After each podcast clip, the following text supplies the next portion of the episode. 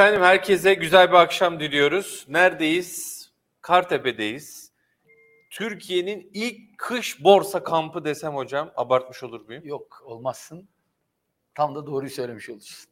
Şu an kendime bakıyorum. Vallahi fena görünmüyoruz. Bir anda doktor Nuri Sevgen. Merhabalar, Nuri Sevgen- merhabalar.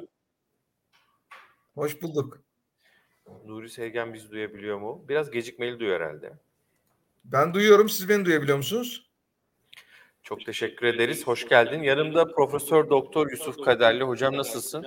Teşekkür ederim. İyi yayınlar diliyorum. Ee, Nuri Sevgen biz de seni duyuyoruz ama bir tık gecikmeli duyuyoruz. Ona göre zaten seninle haberleşiriz ama sorun yok. Bağlantımız gayet iyi. Bu arada tabii bizi YouTube'dan izleyen değerli izleyicilerimiz şu an siz göremiyorsunuz ama hemen şöyle karşımda çok güzel bir topluluk var. Ee, canlı yayındayız. Hatta arkadaşlarımız o kamera arkası görüntüleri de çekiyorlar. Ee, ve onların da yani burada olan değerli izleyicilerimizin de sorularını alacağız değil mi hocam? Tabii ki. canlı canlı bir finans kamptan e, yayın yapıyoruz. 36.sını falan galiba yapıyoruz akademik borsanın. Evet. Maşallah. Darısı 136'ya inşallah. Hedef diyorsun 130. Hocam hedefler hep senin böyle. Hep yukarıda. Evet hep yukarıda zaten. Şimdi e, Nuri Sevgen'in izniyle ben önce bir hocamla başlayayım sonra Nuri Sevgen'e döneceğim. Bugün neden biz başlığımızı borsa 10 bin yolculuğunda mı diye attık? E, borsa ciddi bir rally içerisinde aldı başını gidiyor. Deyim yerindeyse. Ne dersin diyeyim sözü sana bırakayım. Buyurun. E, evet. Şimdi herkes realizasyon beklerken endeks her gün neredeyse bu yükseliş sırasında yok denecek kadar az kırmızı bar üreterek, günlük kırmızı bar üreterek yukarı doğru gitmeye devam ediyor. Bir rally var. 9000 burada çok çok önemliydi. Ee, yani 9000'e dün yaklaştık. Hemen 9000'in biraz altından geri döndük. Acaba geri dönüyor muyuz dendi ama bu sabah güçlü bir yükseliş geldi. Hem hacim vardı hem de bu sefer 9000'in üzerinde tutunmayı başardı. E, dolayısıyla 9000 e, gibi önemli bir e, psikolojik eşik bunun geçilmesini olumlu olarak algılamak lazım. Bir de bu tür rallilerde e, böyle ardı ardına yükselişlerin geldiği rallilerde bana göre en belirleyici e, göstergelerden bir tanesi 5 günlük hareketli ortalamadır. Yani endeksin son dönem yaptığı, son 2-3 yılda yaptığı bütün rallileri izleyin. Endeksin o ralliler sırasında 5 günlük hareketli ortalamanın üzerinde kalmaya devam ettiği sürece de yükselmeye de devam ettiğini görüyorsunuz. Ve biz hala rally başladığından beri 5 günlük hareketli ortalamayı doğru düzgün ihlal etmeden sürekli olarak üstünde devam ediyoruz. O nedenle borsa ha şimdi düşecek, ha yarın düşecek, artık 9000'e geldik, biraz dinlenebilir demek yerine 5 günlük hareketli ortalamayı e, kısa vadeli bir indikatör olarak takip etmek ve 5 günlük hareketli ortalamanın altında kapanışlar gelmeden e, borsanın düşeceği yönünde bir yargıya varmamak gerektiğini düşünüyorum. Çünkü böyle olursa şu oluyor. Ya işte 9000'e çok yaklaştık. 9000 psikolojik evet bu doğru yanlış değil.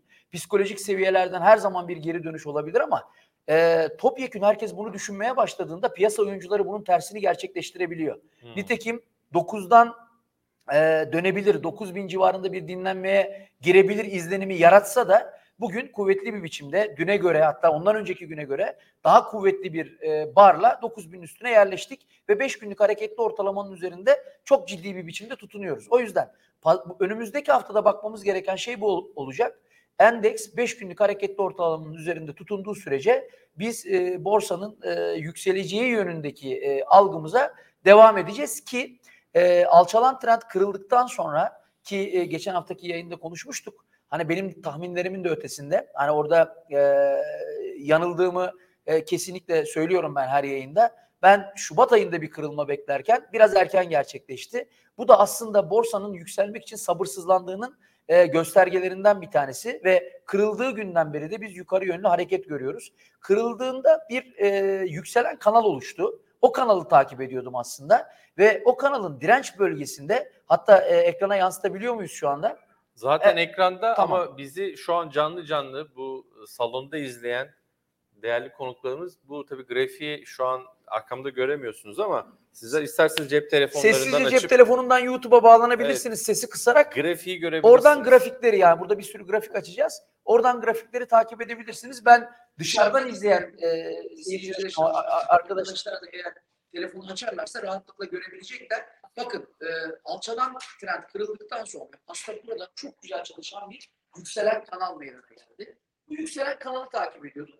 Ve yükselen kanalın direnç, direnç bölgesini aslında kolay geçemedik. 4-5 gün.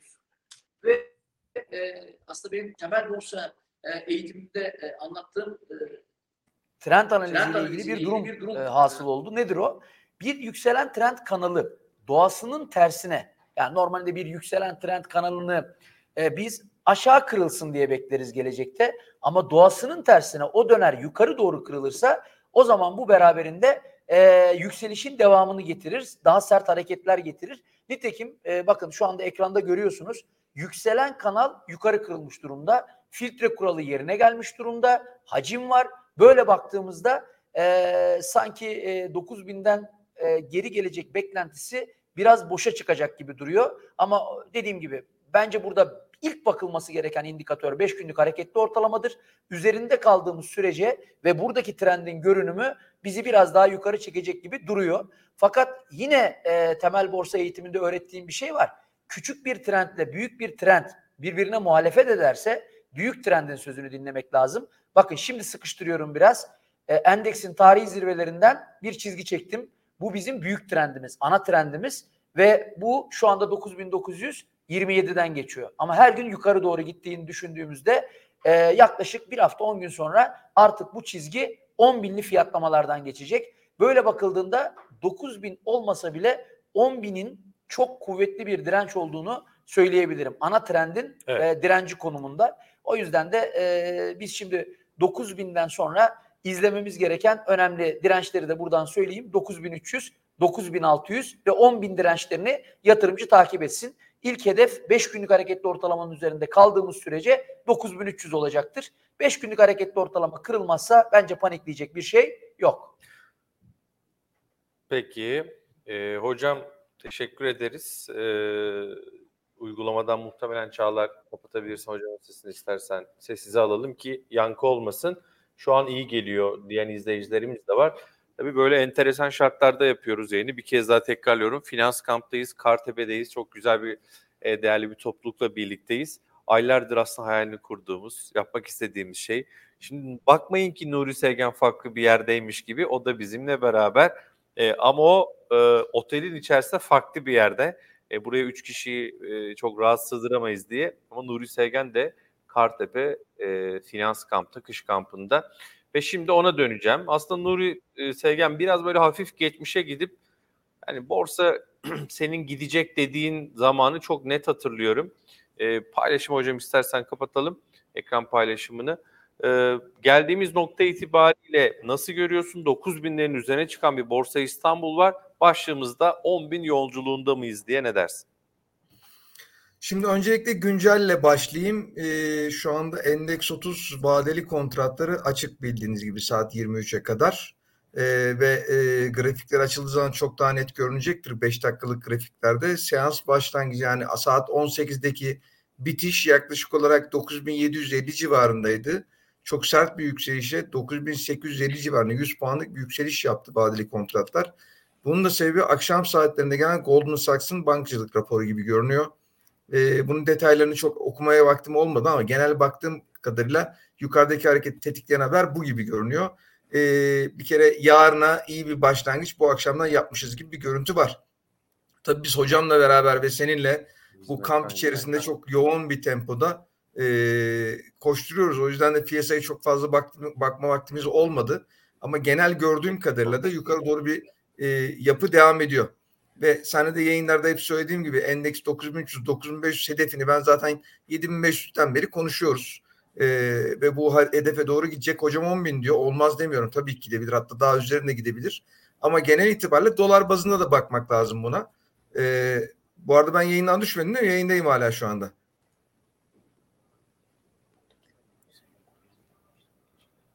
Yayında mıyım şu anda? Yayındasın. Yayındasın Tamam. Nuri Sevgen. Devam. Ee, Yayındasın. genel itibariyle de e, benim gördüğüm yukarı doğru Yayındasın. Yayındasın. gördüğüm kadarıyla dolar bazındaki hareket de e, 300 doların üzerinde 300-310 dolar arasında bir hareket doğru devam ediyormuş gibi görünüyor endeks dolar bazında. O yüzden hocamı destekliyorum. Aynı fikirdeyim ama akşam saatlerinde gelen bu haberi de özellikle eklemek istedim. Dediğim gibi Goldman Sachs'ın e, Türkiye bankacılık e, 2023 e, son çeyreği veya yıllık değerlendirmesi ve sektörün trend analizi yaptığı bir rapor geldi. Bugün saat yedi buçuk civarında Türkiye saatiyle. E, o raporda şu anda vadeli kontratlar yukarı doğru piyasayı 100 puan civarında bir yukarı götürmüş gibi görünüyor.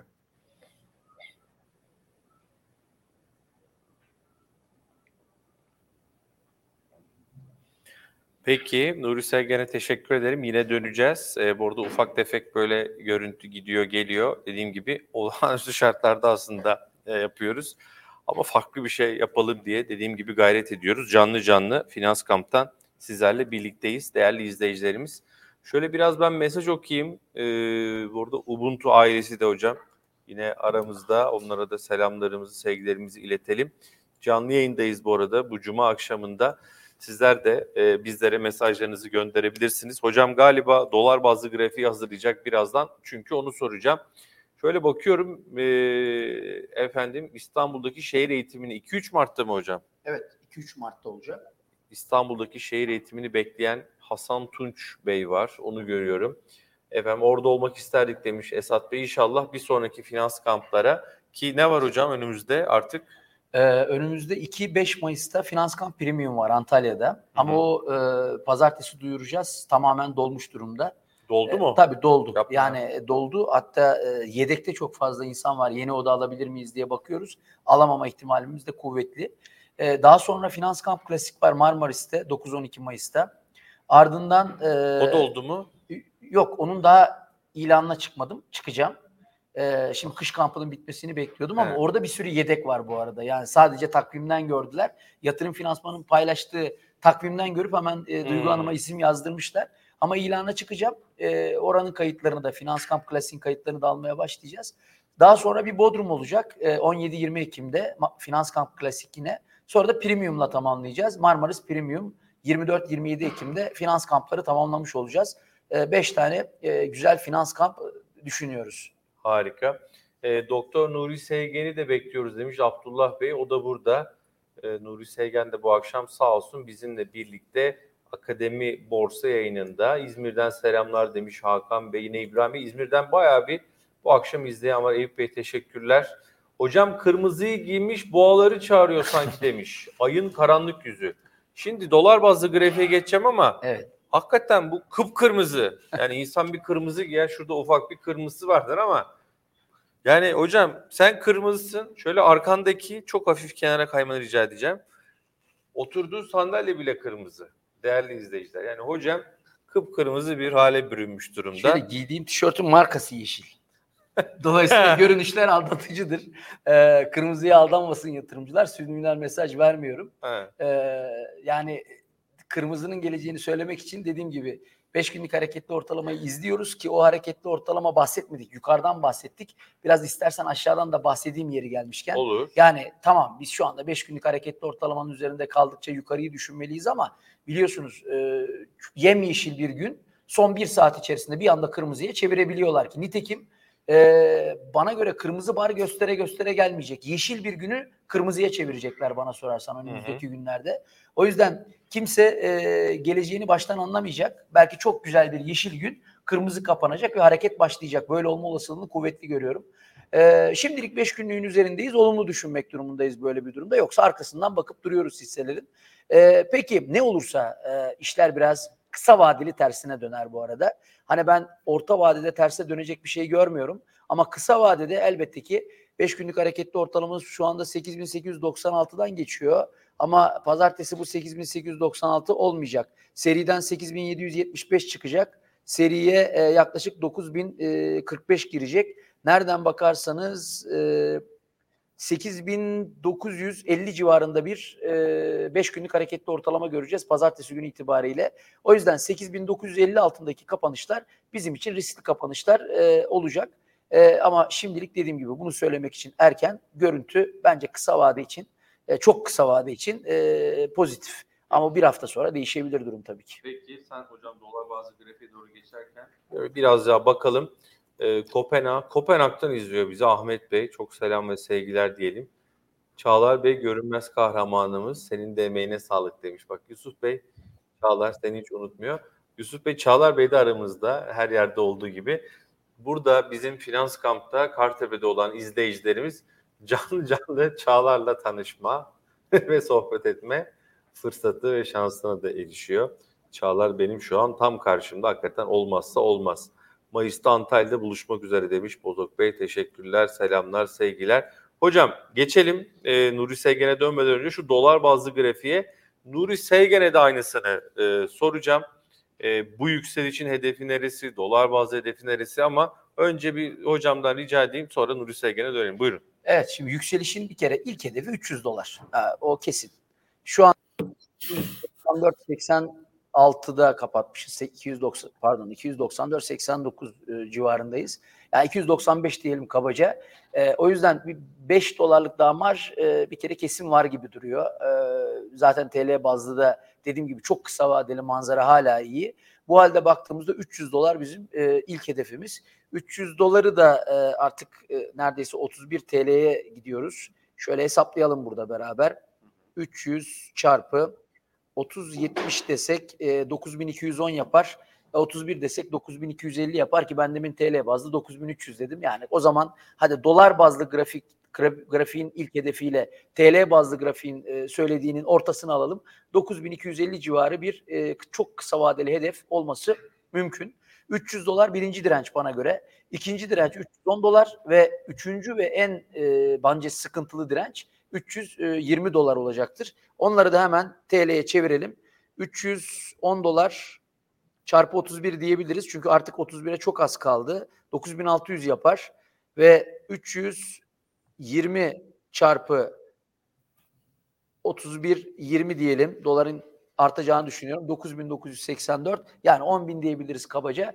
Yani gördüğünüz gibi TL bazlı grafikle e, dolar bazlı grafiğin söylediği rakamlar birbiriyle o kadar örtüşüyor ki e, o yüzden kısa vadede ilk direnç 9200-300 arası, ikinci direnç 9600 yani 310 dolar ve üçüncü ve bana göre en tehlikeli direnç e, dolar bazlı en kritik geçilmesi e, biraz zor olacak e, dirençlerden bir tanesi 320 dolar. O da zaten kabaca en e, önemli psikolojik seviye olan 10 bine tekabül ediyor. Yani burada en zorlu taraf 9 bin değil 10 bin olacak. Yatırımcı bu gözle baksın. Ama bir şey dikkatimi çekti. Endeksin ana trendi şu an ekranda. Biraz sıkıştırdım. Ee, endeksin ana trendinde bir formasyon gelişiyor.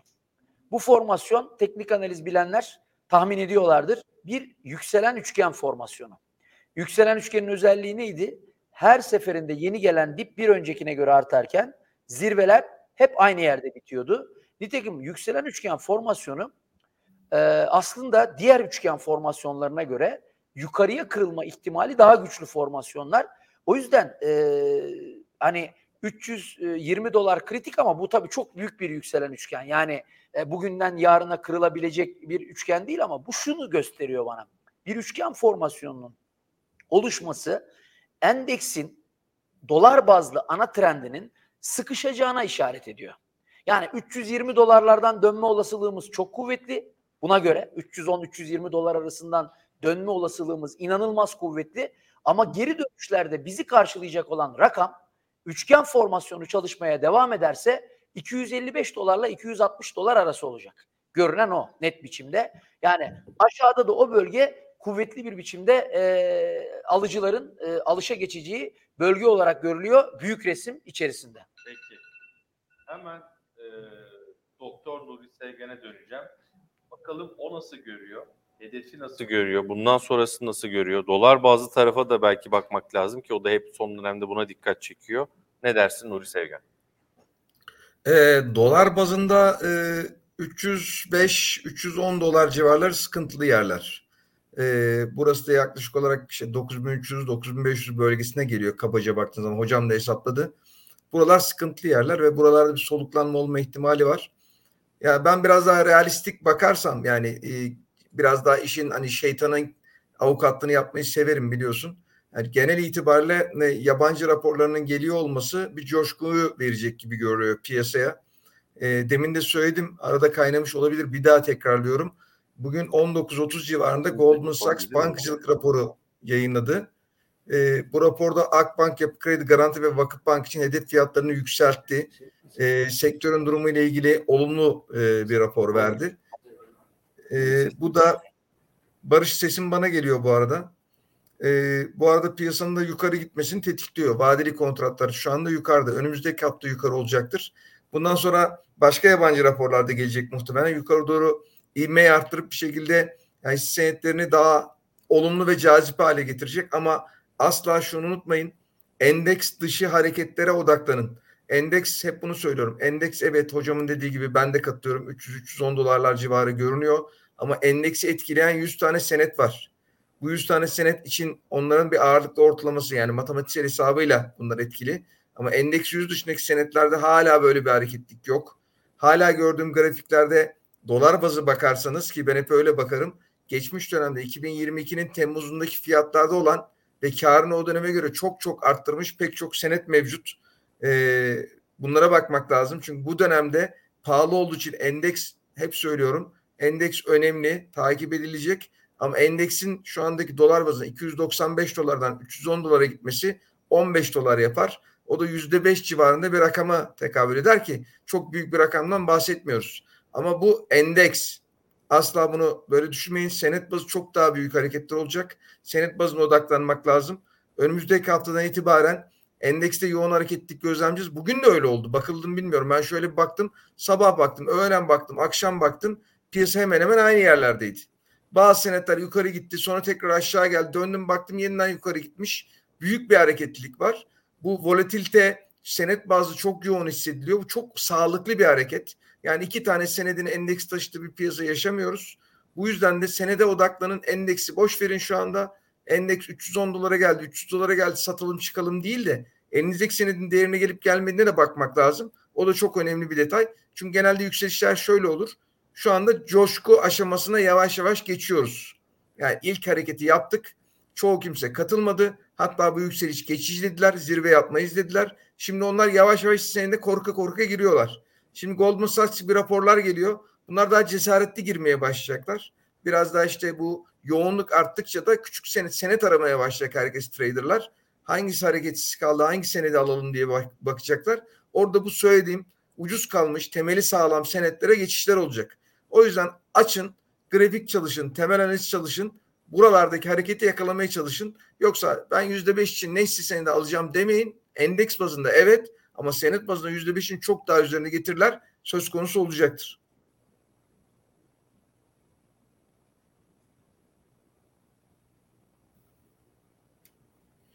Orada mısınız?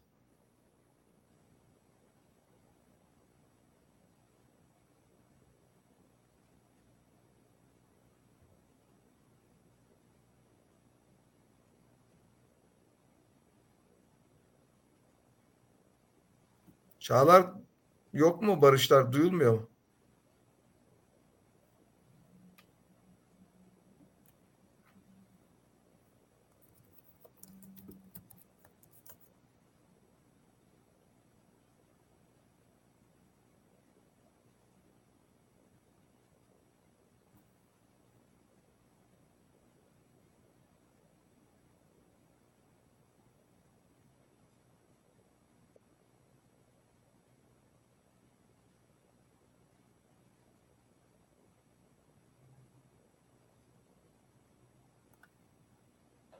Sevgen beni duyabiliyor musun?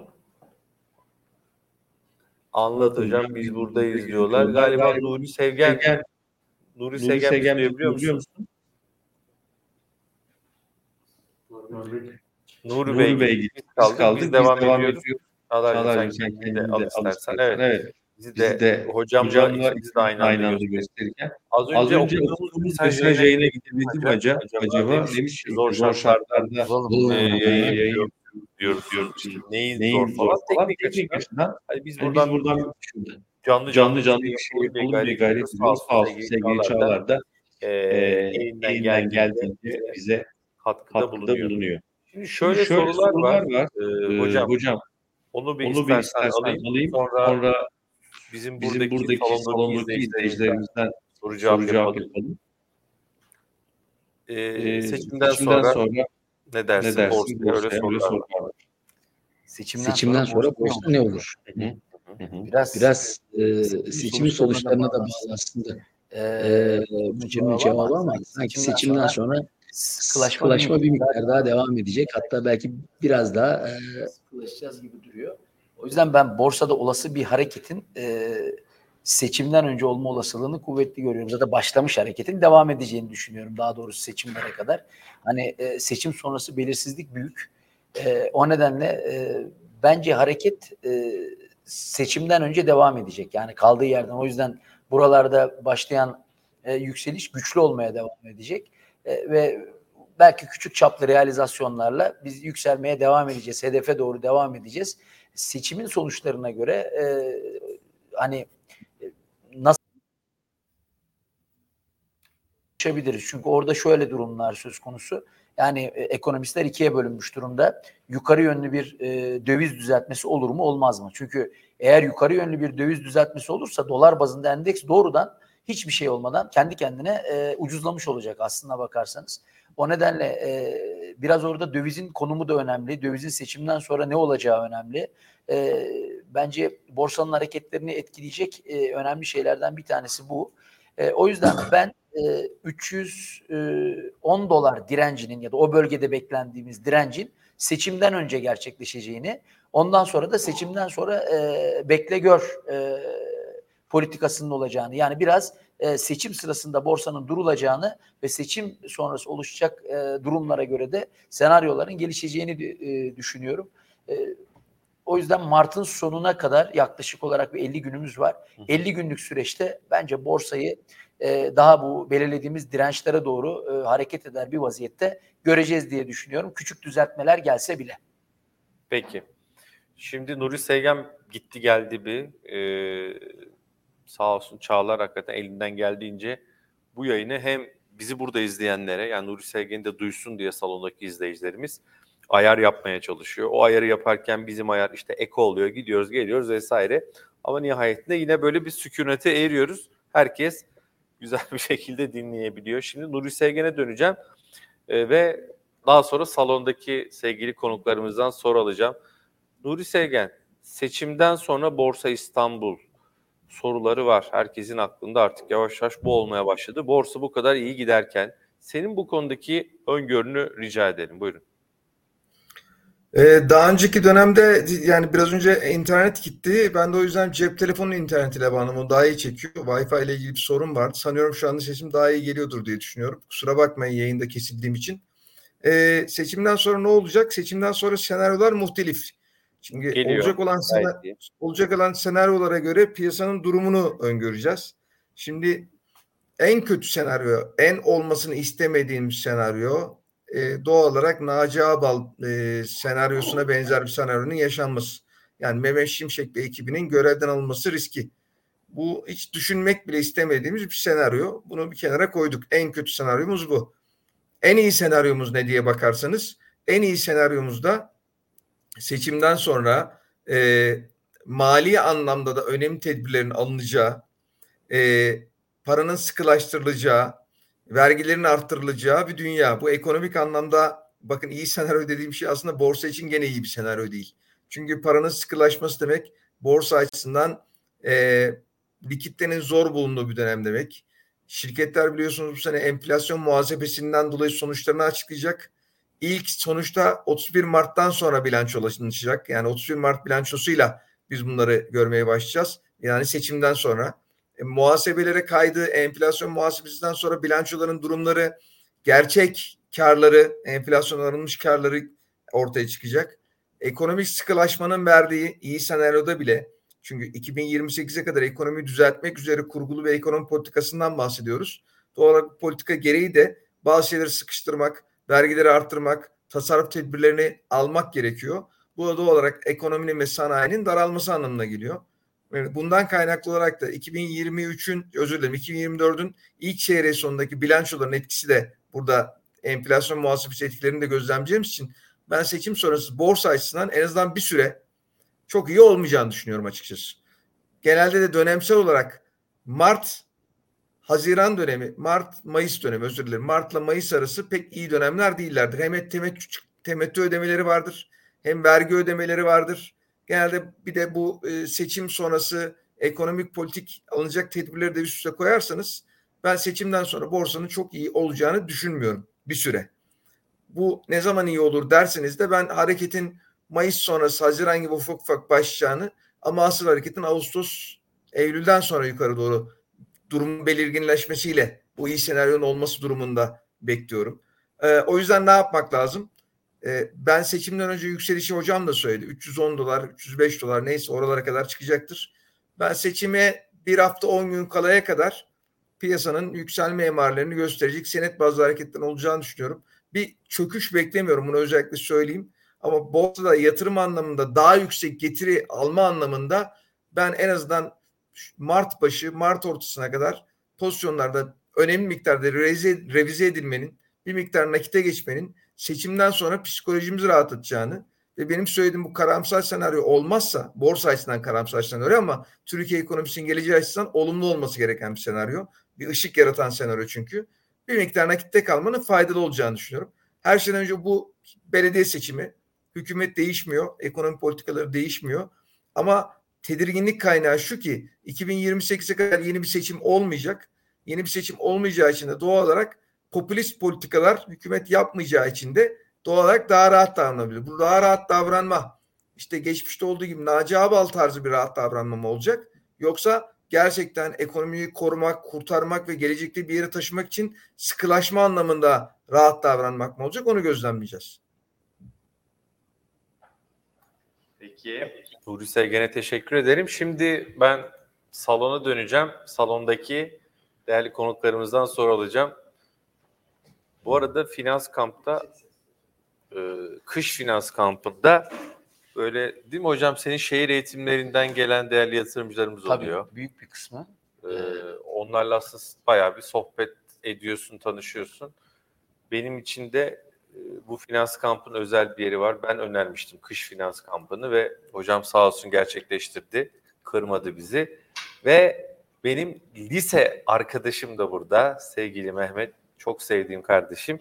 Onunla da burada karşılaştık. Çapa Anadolu Öğretmen Lisesi'ydi bizim zamanımızda. Şimdi Çapa Fen Lisesi oldu. Ee, çok gitmek istiyorum. Acayip gitmek istiyorum. Bir gün inşallah. Bizim pilav günümüz Mart ayında mıydı? 16 Mart'ta inşallah birlikte gidelim. Diyeyim şimdi onun bir sorusu var. Onun sorusu için sözü ona bırakayım. Evet. Teşekkür ederim Barış. Hocam daha önceki yayınlarınızda 2024'te özellikle ikinci çeyrekte portföyün kısmını altına çevirmeyi düşünüyorum, düşünebilirim. İşte şimdi Nuri hocamızı da dinledik. Onun söyledikleri ışığında bu fikriniz hala devam ediyor. Yani portföyün bir kısmını altına geçirip gerek spotta gerek bir yokta bir şekilde etmeyi düşünüyor musunuz? Tabii şöyle aslında Nuri Bey'in söylediğiyle benim söylediğim örtüşüyor aslına bakarsan. Yani seçime kadar borsada hareketlilik devam ama seçim sonrası hakikaten e, yani alınacak e, tedbirler e, ki e, söylediği şeyler hakikaten doğru. Bir sıkılaşmanın gelmesi, popülist yaklaşımların ortadan kalkması, e, bunlar biraz e, şirketleri de aslında zora sokacak, biraz daralmalarına neden olacak şeyler. O nedenle e, bence seçime kadar borsanın nimetlerinden yararlanalım. Seçim öncesi portföylerde ayarlamalara gitmekte fayda var. Yani hisse azaltmakta önemli ölçüde fayda görüyorum. E, mutlaka bizim de bir bekle gör politikası yapmamız lazım. E, seçim sonrası çok karışık yani. Bütün ekonomistler e, bölünmüş durumda. İşte doların ne olacağına dair bölünmüş durumda. Ama hemen hemen hepsinin en fikir olduğu şey bir sıkılaşmanın e, geleceği ve bir daha üç buçuk yıl seçim olmayacağı için de işte e, gerçekten de o popülist e, politikaların e, olmayacağı yönünde. E, o yüzden bence de seçime kadar e, biz işte 310 dolarlar, 315 dolarlar o bölgelere doğru bir hareket göreceğiz. O da işte taş çatlasa 10 bin civarına e, tekabül ediyor. Buraya kadar e, borsanın nimetlerinden yararlanmak lazım. E, sonrasında da özellikle e, seçime böyle e, bir hafta kala e, ya da 3-4 gün kala artık yavaş yavaş portföylerde değişime gitmemiz gerektiğini düşünüyorum. Altın portföylerde değişime giderken bence e, önemli enstrümanlardan bir tanesi olacak. Ama bunun içinde tabii Fed'in e, bu faiz indirimlerini ne zaman başlatacağına dair ön sinyallerinin gelmesi gerekiyor. Bu net değil, kesin değil. Beklenti yılın ikinci yarısından sonra e, bu da e, altın tarafını kesinlikle hareketlendirecektir. Zaten tarihi zirvede bir sıkışma var ons altında. Eğer o sıkışmadan kendini yukarı doğru kurtarabilirse e, hani yıl sonu dolar beklentisinin e, en kötü 40-45 arası olduğu bir yerde e, işte altındaki ons altındaki tarihi zirvedeki sıkışmanın yukarı kendisini kurtardığı bir yerde altın bu arada iyi e, sena e, iyi enstrümanlardan portföylerdeki iyi enstrümanlardan biri olacak. Her ikisi birleştiği zaman gram altını 3000-3500 aralığına taşıyacak taşıma potansiyeli taşıyor bu durum. E, o yüzden elbette ki hisse senetlerini e, bir miktar terk ederken portföylere zamanlamayı da dikkate alarak altın almak bence yerinde olacaktır yavaş yavaş. Altının ağırlığını arttırmak bence yerinde olacaktır diye düşünüyorum. Evet. Bu arada biz bir kez daha söylüyorum. Finans Kamp Kartepe ilk kış kamp e, buradan canlı yayındayız. Nuri Sevgen ve sevgili Yusuf Kaderli hocamızla. E, bu yayını Kartepe'den bir salonda yapıyoruz. Buranın katılımcıları karşımızda ve e, çok değerli bir isim daha geldi hocam aramıza. Evet. Sermaye piyasaların duayeni sevgili e, Berra Doğaner de aramızda. Hoş geldiniz. Hoş geldiniz Berra Hanım. Ya sağ olun. Finans kampları aslında biz her e, finans kamplarının açılışını hep Berra Hanım'la e, yaparız. İlk finans kampta olmasından da çok memnuniyet duydum. Sağ olun. Ayağınıza sağlık. İki gün boyunca e, yatırımcılarla beraber olacak. E, hem hep televizyondan izliyorsunuz kendisini ama finans kamp boyunca kendisiyle burada sohbet etme imkanı bulacaksınız. E, gerçekten sermaye piyasasının en önemli isimlerinden. Yani sermaye piyasasının o ilk e, kurulduğu zamanlara çok ciddi katkı veren, elini taşını altına koyan en e, bilgi insanlardan bir tanesi. Bence finans kamptaki herkesin bu birikimden yararlanması lazım iki gün boyunca. Şimdiden ben yatırımcılara duyurmuş olayım. Evet. Estağfurullah. Kapanış oturumunda da Berra Hanım'la birlikte olacağız. Gökhan Bey de yazmış ki hocam katılımcıları göremiyoruz kamera yok mu? Ne yapacaksınız katılımcıları göre? yani, yani vallahi yani katılımcıları göremiyoruz diyor hocam. Hani şeyi anlarım. Abi grafiği göremiyoruz falan hocam azıcık daraltsanız falan. O ne de katılımcıları göremiyoruz. O da enteresan olmuş. Ee, e, selamlar diyelim bir kez. Şimdi Nuri Segen acaba altınla ilgili senin bir yorumun olur mu? Sevgili Mehmet hani borsa ve altın diyor. Belki o portföy dağılımını e, bir miktar e, sordu. Ne dersin? Şimdi altın iki sebepten dolayı yükselme potansiyeli taşıyan bir e, metal ya da değerli metal. E, bir tanesi e, uluslararası piyasalarda altının yukarı doğru gitme eğilimi var. Çünkü Fed'in önümüzdeki dönemde faiz indirim beklentisi var. Bu beklenti Mart sonu diyorlardı ama olması gereken noktaya doğru Mayıs Haziran'a doğru çekilmeye başlandı. Bu da doğal olarak e, faiz vermeyen bir enstrüman olan altının yeniden değerlenmesi noktasına önemli bir hareket getirebilir. İkinci sebep de seçimlerden sonra kurlarda oluşabilecek bir hareketi yakalamak adına da altın önemli. Çünkü dünyada altının onsu dolarla fiyatlanıyor. İçerideki gram fiyatlarken de altının onsu çarpı dolar TL yapılıyor en basit tabirle. Tabii sonra bu ons 31.1'e böldüğünüz zaman da %100 saflıkta bir gram altının fiyatını buluyorsunuz. O yüzden altını öneririm. Ama şurada bir şeyi de özellikle vurgulamak istiyorum. Borsada 30 yıldan fazladır yaptığım profesyonel hayat ve öncesindeki yatırımcılık deneyimim de dahil olmak üzere net bir şey gördüm ki herkesin bildiğinden para kazanılmaz. Bu ne demek? Şimdi burada konuşuyoruz. Hocam da söylüyor. Seçimden önce böyle bir yükseliş olacak ve bundan sonra da bir düzeltme gelme ihtimali var. Ne zaman? Bilmiyoruz. 28 Mart'ta mı? 5 Mart'ta mı? 29 Şubat'ta mı? Bilmiyoruz. Demek istediğim bu. O yüzden doğru olan rasyonel tercih yukarı gittikçe biz borsacılar şöyle deriz. Borsacı, gerçek borsacı malı alırken değil, malı satabilirken gerçek borsacı olduğunu gösterir. Yani siz bir şey satmaya başladığınız zaman ona alıcı bulabildiğiniz yerden satabilirsiniz. Ben en zirveden satacağım derseniz öyle bir yer yok. O yüzden hani bence belli bir kar hedefine geldikçe yavaş yavaş yavaş yavaş satıp yavaş yavaş diğer portföylerde dengeyi kurmanız gerekiyor. Bunun en tepesini bilebilseydim ben bugün bu otelin altta salonunda ya da yukarıda odasından size bağlanıyor değil. Dediğim gibi Maldivler'den size böyle bağlanıp oradan gevrek gevrek konuşurdum. Yani durum bu netlikte değil. O yüzden daha sakin, yukarı gittikçe karı cebe koyan bir daha e, bizim borsacılar şöyle bir şey vardır. O örneği vereyim. Birisi senedini sattınız diyelim. O gün elleri titrer yatırımcının. Eğer hisse geri alamazsa. Hele de o gün borsa yukarı gidiyorsa sattıktan sonra. Başka senet alır. Sonra ertesi gün borsa uçar. Ah keşke der. Ben 30 yıllık meslek hayatında her keşke dediğimde kenara 1 lira atsaydım şu an Türkiye'nin en zenginiydim diyorum çok net şekilde. O yüzden yatırımcılara tavsiyem az bir zaman kaldı seçime. Şurada bir buçuk aylık süreçten bahsediyoruz. Bir buçuk aydan biraz fazla bir süreç. Yukarı doğru gidiyoruz. Doğru burada bir şüphe yok. Ama o gidişte de kendinizi çok fazla gaza getirmeyin. Doğru senetlerde uygun fiyatları geldiği zaman yavaş yavaş nakite dönüp bir görmenizde fayda var.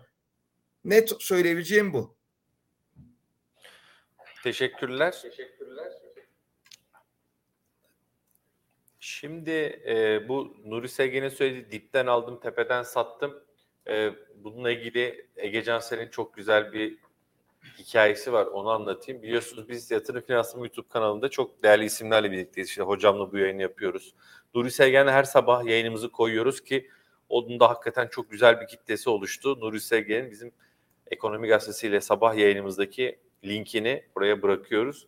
Ve Nuri Sevgen'in artık bir kahin e, neredeyse bugün şöyle kapanır, böyle kapanır tahminlerini alıyoruz. Çağlar biz yine gittik görüntüden bu arada. E, bizi görüntüye ver rica ederim. Sevgili Ege Cansel'in şöyle bir lafı var ki Ege Hoca'yla da biliyorsunuz yaşamasaydım inanmazdım diye bir bölüm e, seri gerçekleştiriyoruz. Diyor ki Ege Cansel öyle dipten alıp tepeden satmakla uğraşmayın. Yani işte bir insan vücuduna benzetirsek ayaktan alıp baştan satmaya uğraşmayın. Dizden alın, göbekten satın e, diyor. Ee, öyle ayağı bulacağım, tepeyi bulacağım. Yok dizden alıp göbekten satmak en güzeli diyor. Şimdi ben salondan bir soru daha alacağım değerli katılımcılarımızdan. Var mı sorusu olan? Buyurun. Biraz önce Nuri Bey iyi senaryoyu anlattı. Hı hı, Ee, senaryoyu da adlandırdı. Tabii bir de maalesef Türk senaryolar da var. hı hı. Ki Türkiye'de çok hani Gerçekleşebiliyor. Kapsamda Yusuf Hocam, Nuri Hoca'yla Nuri Bey'le şey koyabilir miyiz? Kötü senaryo ile ilgili bir yorum. Borsada kötü senaryo. Tabii tabii borsada. Yok borsada şöyle söyleyeyim ben. Ee, ya demin de söylediğim gibi ben eğer çok beklenmedik bir haber akışı olmazsa e, bir düşüşün 255 dolar civarında son yani 255 o, o bölgede 250 ile 260 arası diyelim o bölgede son bulacağını düşünüyorum. Eğer 310 dolara gider 315 dolara gider gel- ve oradan geri dönerse normal haber akışı içerisinde orada son bulacağını düşünüyorum. Yani orada bir formasyonun oluştuğunu söyledim. Ben bu saatten sonra o formasyonu çok dikkatlice izlerim. Ee, formasyonun e, yine beklenmedik bir haber olmadığı sürece yukarı kırılma olasılığı biraz e, zor ama o formasyon ana trendde bir sıkışmanın oluşacağını gösteriyor gelecekte. Yani bir üçgen formasyonu eğer e, fiyat hareketlerinde bir üç- üçgen formasyonu yapısı oluştuysa mutlaka devamında fiyatın sıkıştığını e, söylüyoruz. Aslında biraz Nuri Sevgen'le aynı şeyleri konuşuyoruz. Ne dedi? Seçime kadar e, elbette bir yükseliş olabilir dedi. Sonrasında ben bir miktar ne yap bekliyorum dedi. Durulma bekliyorum dedi. İşte buradaki yani üçgen formasyonu üzerinden konuşursak üçgen formasyonunun direnci 310-315 dolar civarı. Buradan bir geri geliş yaşadığımızı varsayalım 250-260 dolara. Tekrar yukarı gittiğinde yine bizi yukarıda 300-310 dolar bekliyor olacak. Ama bir daha geri geldiğimizde belki 270-280 dolarlarda artık gittikçe sıkışacağız. O sıkıştığımız bölge bence işte durulduğumuz bölge olacak. Ondan sonra asıl o formasyondan kendini nereye kurtardığı bizim için çok önemli. Çünkü ana trendde oluşuyor. Ana trenddeki bir üçgen formasyonundan fiyat kendini nereye doğru kurtarırsa o yana doğru sert bir hareket görürüz. Yani bu kaçınılmaz. Ee, hemen hemen e, belki binlerce üçgen formasyonu, nizami üçgen formasyonu çalıştım ben e, grafiklerde. E, bir sıkışma olacağı kesin.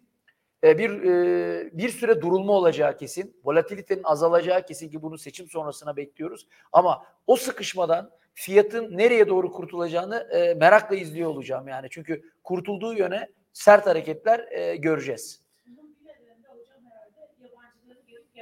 Tabii bu da bu da belli değil tabii. Yani yabancı gelişi e, şu anda böyle çok arzu edilir e, bir pozisyonda değil. Tamam var e, görüyoruz ama bana göre hala e, cılız ya da beklentiyi karşılamıyor. Cılız değil beklentiyi karşılamıyor. Hı hı. Beklentiyi karşılayacak bir e, yabancı girişi e, bütün senaryoları değiştirebilir. Ama bunun için şartlar var mı tartışılır tabii ki. Evet. Ee, şimdi ben Nuri Sevgen'e de bir kötü senaryo ve kötü senaryoda ne olur diye döneceğim. Ee, şöyle birkaç izleyici mesajı okuyup Ömer Doğan Bey Bank of Nuri Sevgen demiş. Ee, Bank of Amerika değil. Bank of Nuri Sevgen. Ee, biz tepeden alıp dipten satmasını seviyoruz demiş bir izleyicimiz. Hani dipten alıp tepeden Yani bizim diyor hikaye tam tersi hocam. Tepeden alıp dipten satıyoruz demiş. Ben böyle kendiyle hakikaten hepimiz için kendiyle dalga geçebilen, kendiyle kendine takılabilen insanları çok seviyorum. Ben de onu yapmaya çalışıyorum. Ama sağ olsun Nuri Sevgen de bolca bana takılıyor. Kendi kendime takılmama hiç izin vermiyor diyeyim. Ee, şöyle e, bir mesaj daha görmüştüm. Onda ha, soruları tekrarlayayım. Az önce kötü senaryoyu sordu e, salondaki katılımcılarımızdan biri. E, şimdi aynı soruyu ben Nuri Sevgen'e de e, iletmiş olacağım birazdan. E, şöyle bir mesaj daha vardı onu bulabilirsem. E, bir formasyon varsa %90 çalışır demiş e, bir başka izleyicimiz. Evet bulabilirsem birazdan onu da e, yanıtlayalım ama Nuri Sevgen için bu arada yani kötü senaryo Borsa. Nuri Sevgen borsa için o aslında söylüyor hani şimdi bazı değişimler oluyor ekonomi yönetiminde. Bu piyasayı etkilemedi aksine olumlu yukarı doğru devam ediyor ama e, tabii e, hiç piyasanın istemediği şeyler gerçekleşirse o bence en kötü senaryo olur. Orada bambaşka şeyleri konuşuruz herhalde ama borsa için Nuri Sevgen ne der diyeyim susayım ve sözü sana bırakayım. Şimdi bugün sen çok güzel bir eğlenceli sunum yaptın. Çok hoşumuza gitti. Ee, Nassim Nikolas Taleb'in Siyah Kuğu kitabından alıntılar yaptın. Ee, siyah kuğu, kuğular hep beyazdır genelde. Ee, buradaki aslında anlatılan hikayeyi özetle söylemek gerekirse biz matematiksel olarak riski hesaplayabiliriz. Ama bazı riskler hesaplanamaz. Bunlar e, daha böyle subjektiftir. Yani beklenilmeyen şeylerdir. İşte 11 Eylül gibi, işte 15 Temmuz gibi hiç beklenmedik şeylerdir. Veya Naci Ağbal mevzusu gibi. Şimdi bu en kötü senaryo dediğiniz şey bu hesaplanmayan şey olacaktır. Şu anda piyasa seçimden sonra ekonominin sıkılaşacağını ki en son Merkez Bankası dün yani yeni Merkez Bankası yeni başkanının ve e, PPK üyelerinin ya da başkan yardımcılarının diyeyim daha doğrusu yaptıkları dünkü sunumda çok net şekilde söyledikleri bu sıkılaşma seçimden sonra artarak sürecek. Yüzde otuz altı bir hedef verilmiş. Yüzde otuz altı hedefi yakalamak için de gereğini yapacağız dedi. Özellikle Cevdet Hoca bunu çok net söyledi. Bu da sıkılaşmayı arttıracağız anlamına geliyor. Bu en azından hesaplanabilir bir senaryo. Ben buna göre bir senaryo kurarım. Yüzde otuz altı olmazsa 40 olursa 50 olursa ne olur? İşte düşerse ne olur? Buna göre matematiksel model yaparım. Risklerimi bulabilirim. Ama en kötü senaryo dediğim şey Mehmet Şimşek'in görevden alındığı haberine karşı ne yapabilirim? İşte sıkıntı burada. O yüzden bu olasılık şu anda fiyatlanmıyor. Umarım da fiyatlanmaz. Çünkü bu tür durumda belirsizlik inanılmaz derecede artacak. Çünkü uzun süredir Türkiye için önümüzde bir e, ekonomik açıdan söylüyorum bir ışık belirdi. Mevcut koşullar rasyonel anlamda alınıyor. Önümüzdeki dönemde bu tedbirler arttırılarak devam ederse bir ışık görülecek ve tünelin ucundaki ışık karşıdan gelen başka bir tren değil, tünelin sonu olduğu ortaya çıkacak. Bu tünel zorlu bir tünel.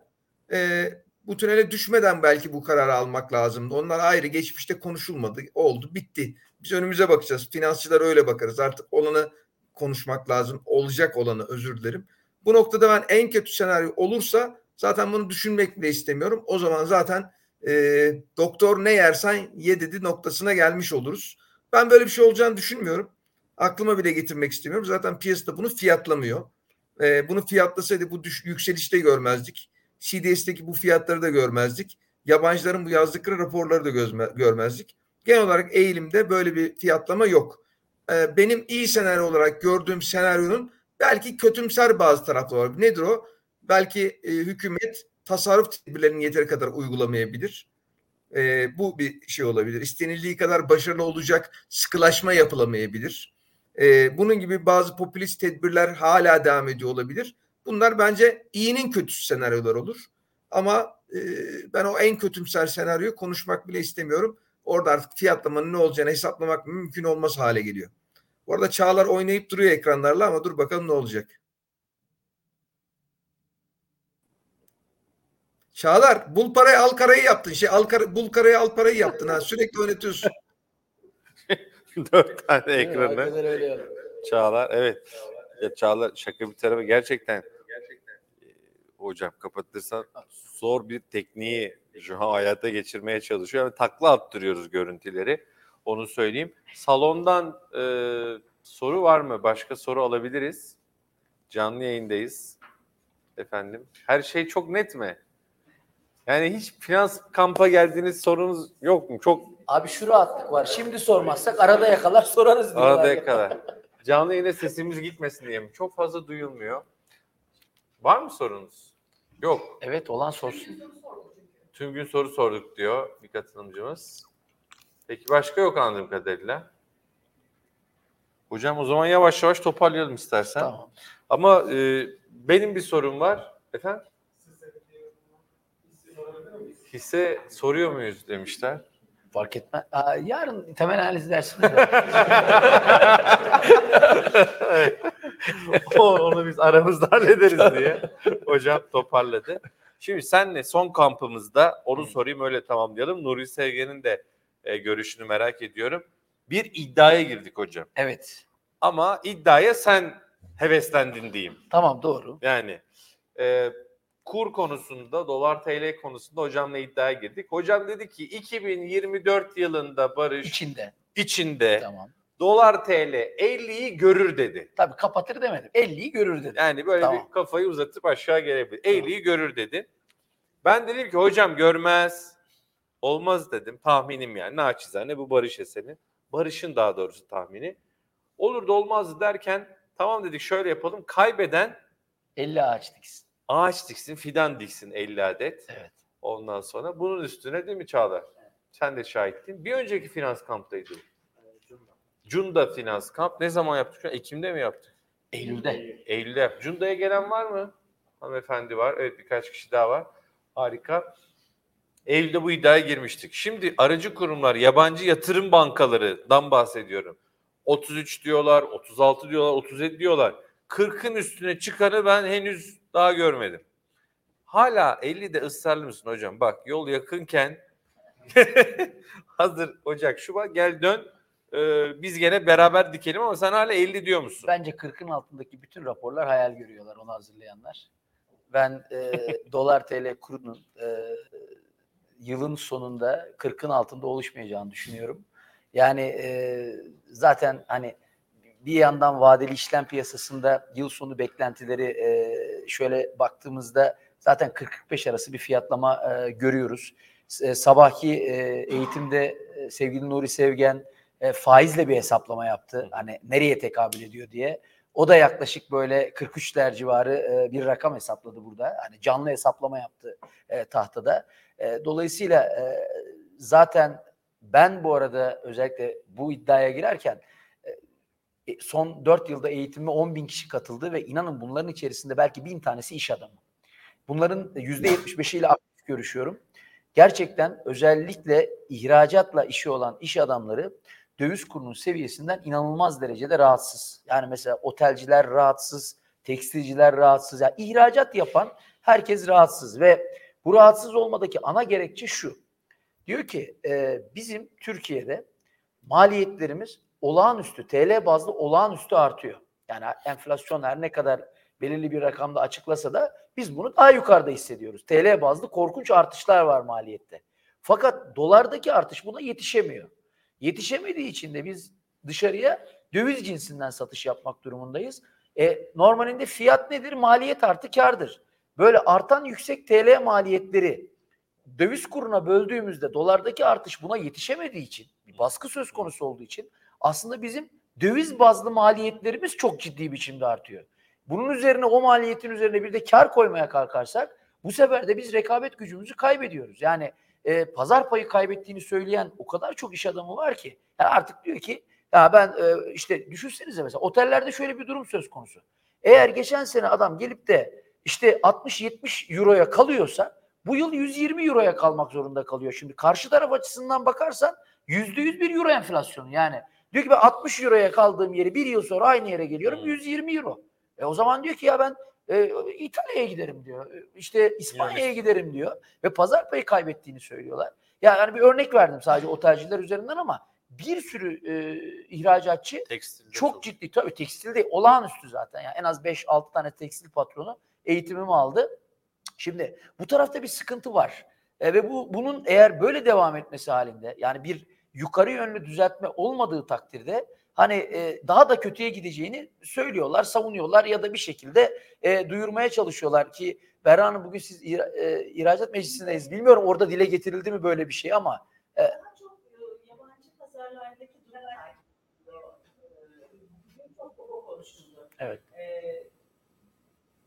Avrupa'daki büyüme bilhassa büyüyememe daha doğrusu oradaki Hı hı. durgunluğun etkileri çok daha belirgindi. evet Yani buradan çok konuşuldu. Evet. Yani bir, bir gerekçe buydu. Bir de hani yabancının girişi istenen seviyede değil. Çünkü bence yabancı da acaba 30 liradan Türkiye'de dolarlarını satıp e, burada bir e, şeye girip tekrar e, hani paraları memleketlerine götürürken 30 liradan satmak anlamlı mı acaba diye bence bir soru işareti e, de var burada. Yani biraz yabancı girişinin de tatmin edici seviyelere çekilmesi için dolar kurunda e, bir yukarı yönlü ayarlama olmalı diye düşünüyorum ama olacak demiyorum tabii. Olmalı diye düşünüyorum sadece. Tabii burada en büyük şey bu konuştuğumuz şeyler dolar kurundaki bir yukarı e, ayarlama e, asıl bizim savaştığımız şeye zarar veriyor. Yani Enflasyon. burada en önemli sorun tabii ki yani bu kadar dışa bağımlılık, bu kadar dolara bağımlılık aslında en büyük darbeyi orada vuruyor bize. Yani böyle bir bağımlılık olmasa çoktan o ayarlama yapılacak da ama böyle bir bağımlılık var. Dolayısıyla da hani bu argümanlarla ben eee, Türkiye'de bir de yani seçim sonrası artık üç buçuk sene dediğim gibi e, ne olacağı artık hani rahat ya bir seçim olduğu zaman hani biraz daha böyle e, ona yönelik seçime yönelik politikalar görüyoruz. Popülist politikalar görüyoruz. E, dolayısıyla ben hükümetin de elinin rahatlayacağını ve biraz daha rahat hareket edebileceğini e, düşünüyorum bu noktada. O nedenle yıl içerisinde e, evet böyle bir e, atak olma ihtimalinin olduğunu söyledim ve iddiaya girdim tabii ki ve bu Çok tabii böyle düşünenler azınlıkta bu arada. Biz çok azınlıktayız. Çok üzgünüm falan? Girdi. Bir Hayır hiç, hiç üzgün değilim. Ha. E, gaflet olarak görmüyorum. Anlık bir şey. Evet yani önümüzde daha koskoca 10 buçuk ay var. Burası da Türkiye. Bence erken sevinmemek lazım.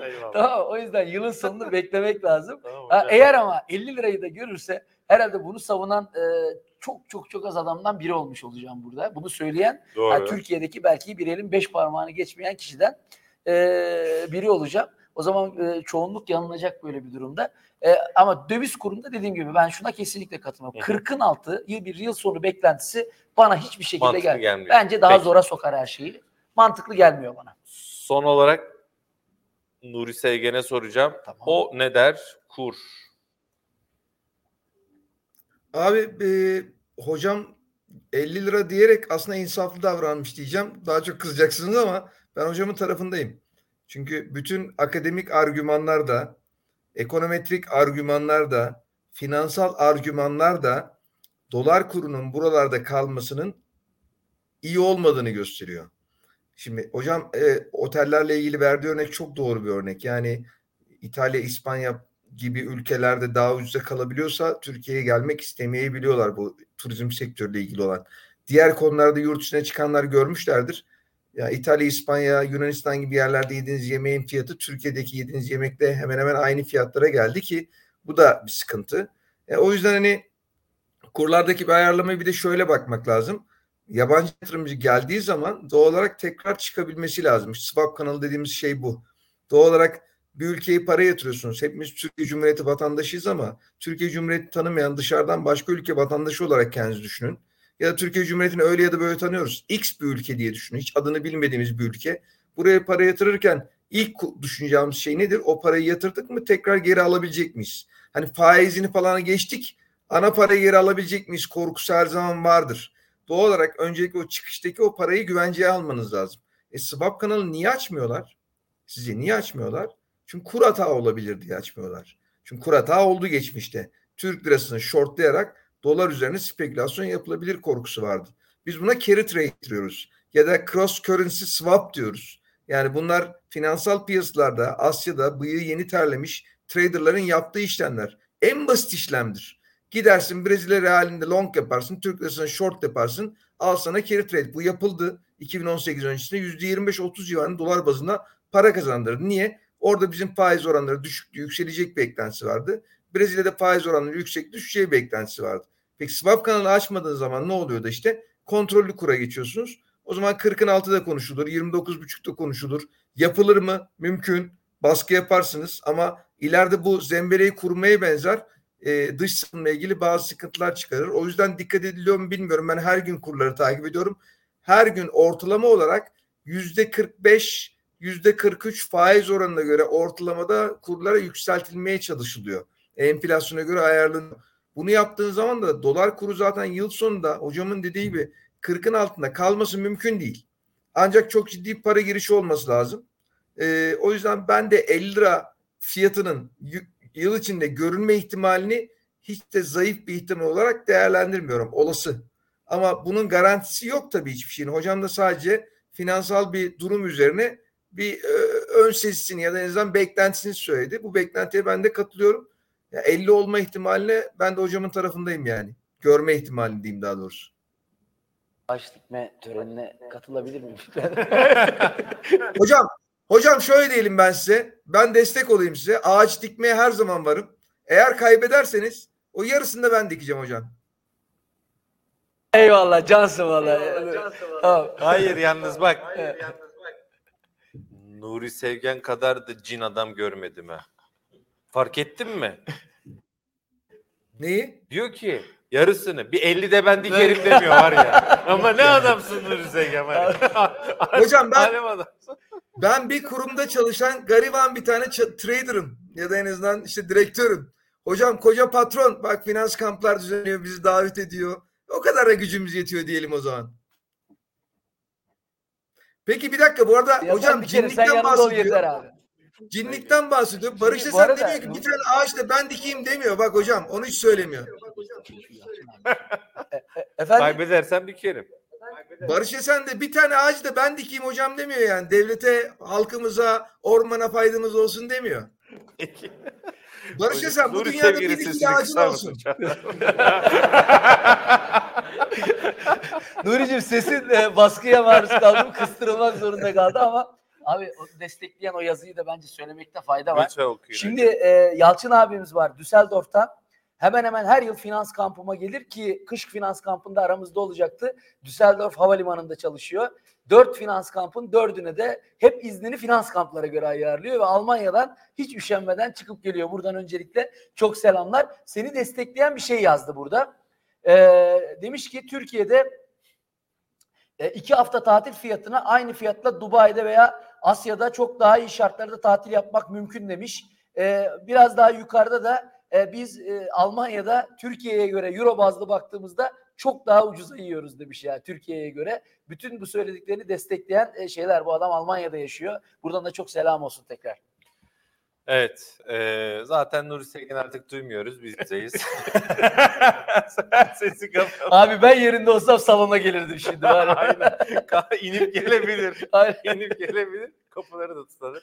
Allah çok keyifli oldu. Bir izleyicimiz de Barış abi sen de sularsın demişler. Abi süper ya. Aynen. Yani ben sulamaya talibim hocam. Tamam. Siz dikin. Tamam abi. Bakın ben de. Ondan sonra.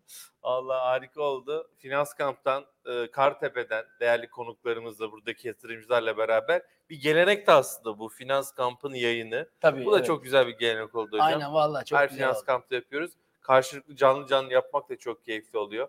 Bir kez daha tüm katılımcılarımıza çok teşekkür ediyoruz. Berra Hanım'a çok teşekkürler. Nazik e, ilgileri için sağ olsun. Yoldan geldi ama e, bize de e, olsun, o burada katkıda bulundu. E, sevgili Çağlar bir kez daha ağzına sağlık. Tüm teknik e, imkanları seferber etti. Çağlar'ın önünde 8 tane falan böyle ekran var. Hepsiyle o uğraşıyor bir şekilde. Ama harika oldu. Ben herkese çok teşekkür ediyorum. E, güzel bir hafta sonu diliyorum. E, bizim finans kampımız devam ediyor. Pazar gününe kadar buradayız Kartepe'de. E, Türkiye'nin ilk borsa kış finans kampındayız. E, inşallah önümüzdeki yaz kamplarında da buluşmak üzere. E, güzel bir akşam diliyorum. Şimdi katılımcıları göremiyorsunuz ama seslerini duyabiliyorsunuz Aynen artık. Aynen. Kaldı. Yatırım Finansman